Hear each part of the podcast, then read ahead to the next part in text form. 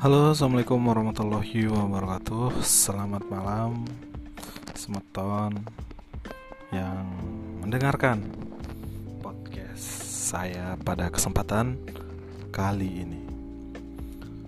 Baiklah, teman-teman, pada kesempatan kali ini saya akan membahas seputar tentang budaya adat Sasak yang ada di Lombok ini. Sebelumnya saya ingin mohon maaf kepada para teman-teman semua karena sudah jarang sekali saya mengunggah atau mengupload konten di podcast saya. Tidak mengherankan karena memang ada beberapa kesibukan yang cukup menyita waktu untuk melakukan kegiatan saya sebagaimana biasanya. Namun pada kesempatan kali ini kita akan lanjut lagi mengupas tuntas sedetail-detailnya mengenai adat dan budaya Sasak.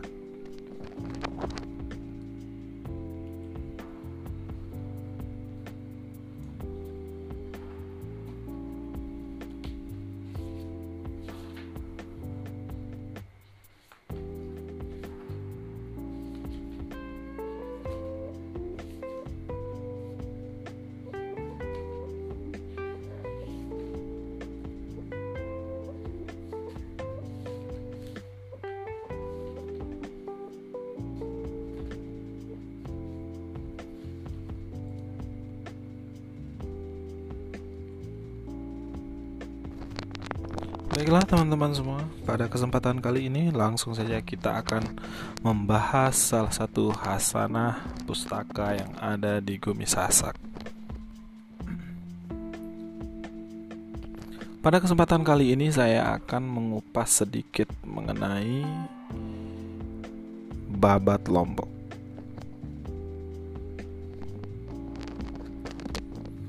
Babat Lombok adalah salah satu dari sekian banyak hasanah kebudayaan Nusantara yang ada di Pulau Lombok kita yang sangat kita cintai ini yang mengisahkan tentang sejarah awal mula peradaban yang ada di Gumi Sasak.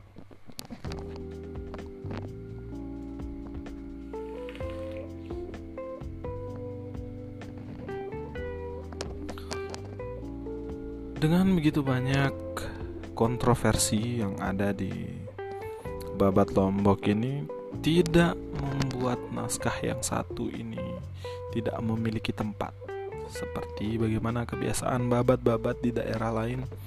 Babat Lombok pun menguraikan sebuah cerita tentang bagaimana pulau ini mulai berdiri. Meskipun tidak pernah benar-benar bisa dibuktikan secara ilmiah atau banyak sekali mengandung unsur mistis yang membuat babat ini menjadi sangat kontroversial bagi para ilmuwan, para sejarawan yang mencoba menganalisa babat Lombok. Tapi pada kesempatan kali ini saya tidak ingin membahas mengenai kontroversinya. Saya tidak ingin memberikan penilaian saya tentang apakah babat lombok ini real? Apakah babat lombok ini adalah uh, ilmiah atau tidak? Dan sebagainya saya hanya akan mengupas sedikit tuntas mengenai pandangan singkat atau ulasan singkat saya mengenai salah satu pustaka yang sangat berharga bagi suku Sasak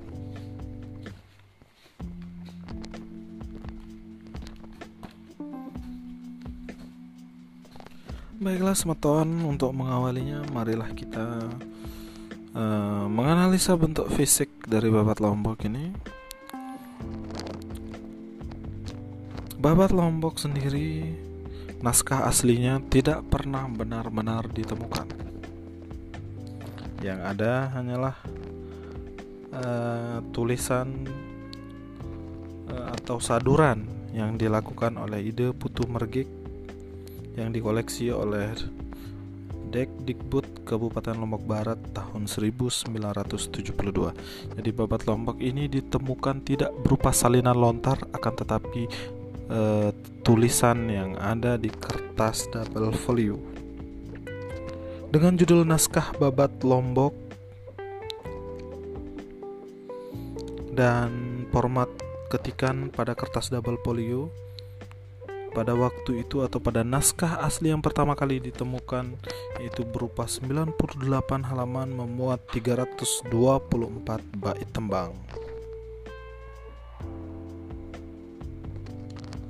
Huruf dan bahasa yang digunakan pada babat Lombok ini yang pasti adalah huruf Latin untuk terjemahannya dan kemudian huruf Jawi atau huruf aksara cerakan yang digunakan untuk menuliskan tembang-tembangnya dan bahasa yang digunakan adalah bahasa Kawi. Jadi penting untuk teman-teman ketahui sebelumnya bahasa Kawi adalah eh, bahasa yang lazim digunakan oleh para penggubah atau para penulis sastra pada zaman dahulu.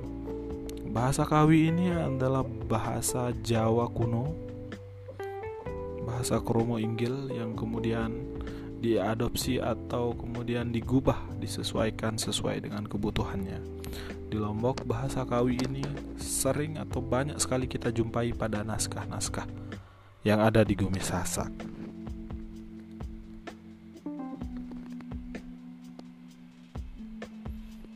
Keadaan naskah ini begitu ditemukan pada tahun 1972 kondisinya sudah sangat lusuh.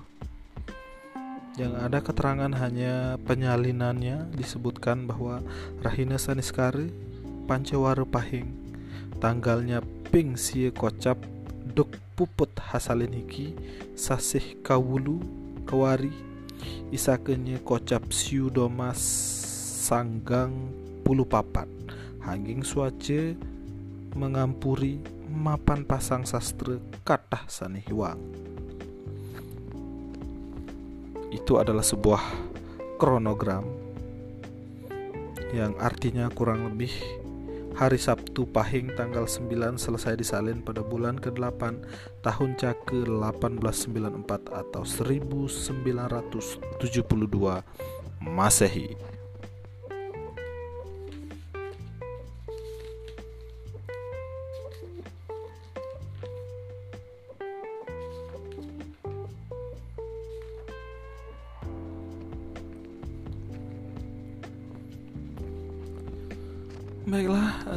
Sedikit mengenai ringkasan cerita Babat Lombok. Babat Lombok berpengantar bahasa Jawa kuno.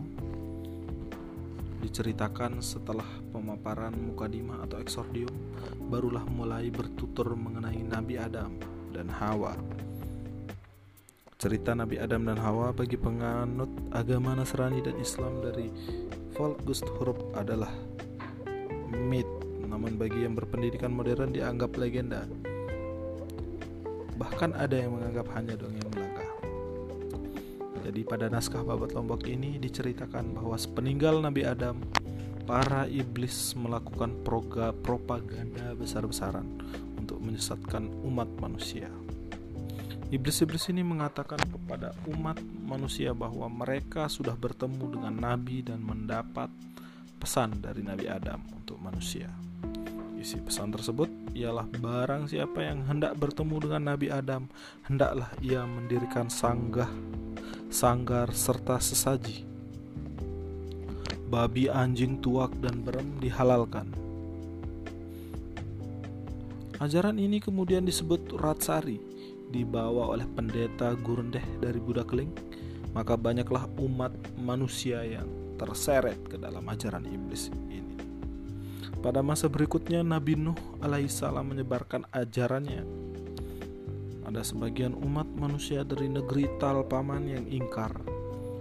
Manakala hukuman Tuhan turun berupa serangan Raja Amir Hamzah yang berasal dari negeri Mekah, maka kaum Talpaman melarikan diri dari negerinya dan sampailah mereka di Pulau Lombok. Di Lombok mereka mendirikan sebuah desa yang bernama Desa Lai. Jadi untuk menyebutkan sebuah desa pertama yang menurut versi Babat Lombok ini disebutkan desa Lai. Menurut analisa saya bahwa desa ini bukanlah bernama desa Lai. Karena Lai dalam bahasa Sasak itu artinya desa dahulu, desa yang permulaan. Jadi mungkin untuk menyebutkannya maka disebutlah bahwa desa itu bernama desa Lai.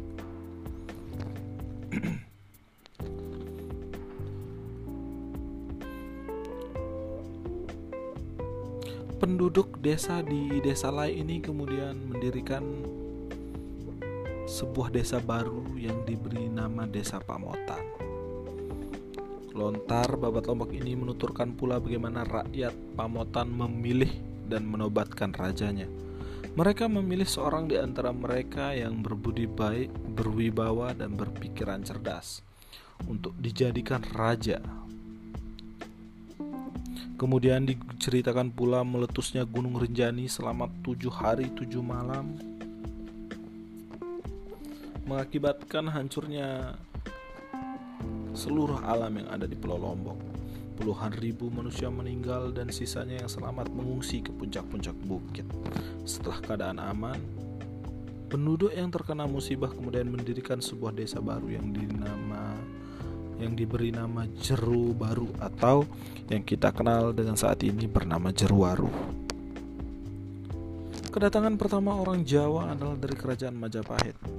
Mereka ini kemudian menjadi cikal bakal berdirinya kerajaan Lombok dan Bayan. Konon putra Raja Majapahit yang sulung menjadi Raja Lombok dan adiknya menjadi Raja di Bayan. Bagian selanjutnya dari babat ini menuturkan kisah asmara yang berujung tragis antara Lali Seruni dengan Sandu Bayu. Raja Lombok yang bernama Kertejaya yang tergila-gila pada Lale Seruni telah melaksanakan tipu daya dan membunuh suami Seruni yang bernama Sandu Bayu di hutan perburuan Gebong. Namun akhirnya sang raja pun menemui ajalnya karena membanting diri ke batu ketika Lala Seruni dibawa oleh Cukli ajaib ke tengah samudera untuk menyatu dengan roh suaminya. Perang pun terjadi antara Prabu Lombok dengan Demung Berang Banten. Dalam hal ini merupakan kakak dari suami Lali Seruni atau kakak dari Sandubaya. Perang ini baru berakhir di masa Prabu Rangkasari, pengganti Prabu Lombok Kertajaya. Yang menarik dari cerita ini adalah pelaksanaan perang yang dilakukan secara aneh, yaitu dengan bersenjatakan binatang laut melawan pasukan kerajaan perang Banten yang bersenjatakan jajan dan bahan makanan lainnya. Bentuk perang seperti ini diusulkan oleh Prabu Rangkasari karena ingin menghindari korban manusia dan harta benda. Bagian selanjutnya dari Babat Lombok menceritakan perjalanan mubalik Islam di bawah pimpinan Sunan Giri Prapen untuk menyebarkan agama Islam di gugusan Sunda kecil. Bersama beliau ialah Patih Madura, Jaya Lengkare, Tumenggung Semarang, Tumenggung Surabaya, Patih Mataram dan Patih Tuban. Pada saat itu agama orang Sasak adalah agama Urat Sari. Pada masa masuknya Islam ini pulau pula pusat kerajaan pindah ke bagian tengah daratan yaitu ke Selaparang Babat Lombok ini kemudian bertutur mengenai kehidupan Pejanggi dengan rajanya Wircandra. Dikisahkan ada seorang patih muda kerajaan Pejanggi jatuh ke tangan kekuasaan Bali. Berikutnya kekuasaan Selaparang juga terpaksa harus menyerah kepada Raja Bali atau Raja Karangasem Lombok meskipun raja dan rakyatnya telah berjuang dan mengorbankan segala-galanya demi bangsa dan negaranya.